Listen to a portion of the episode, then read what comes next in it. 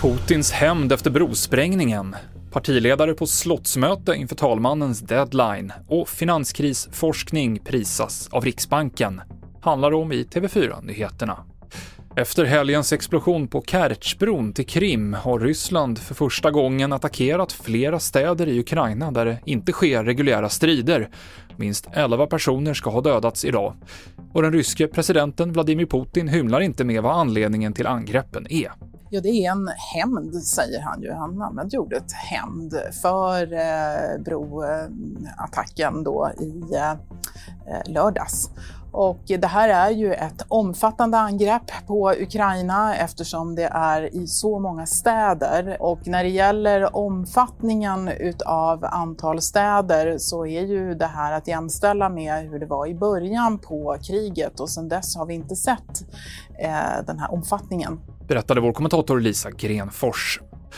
Under helgen så har regeringsförhandlingar pågått på Tidö slott utanför Västerås med alla de fyra partiledarna i högerblocket på plats.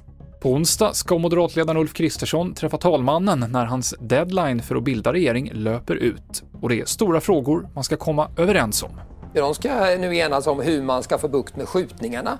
Vad ska vi göra åt eh, elpriserna? Ska vi satsa mycket pengar eller ska vi satsa lite pengar? Eh, vad gör vi så att vi landar rätt i, så att det inte blir för mycket inflation? Eh, det gör man ju om man, riskerar man göra om man eldar på för mycket med för mycket subventioner och sådär. Det är otroligt må, det är väldigt många svåra frågor som man ska knäcka på en väldigt kort tid. Det sa vår politiska kommentator Per Herman Rud. Och tre amerikaner får Riksbankens ekonomipris till Alfred Nobels minne. Det avslöjades idag. De forskar om hur man förstår och undviker finanskriser. De fokuserar mycket på det som kallas för bank runs, alltså bankrusningar och vad som händer när sparare tappar förtroendet för sin bank och samtidigt vill ta ut sina pengar.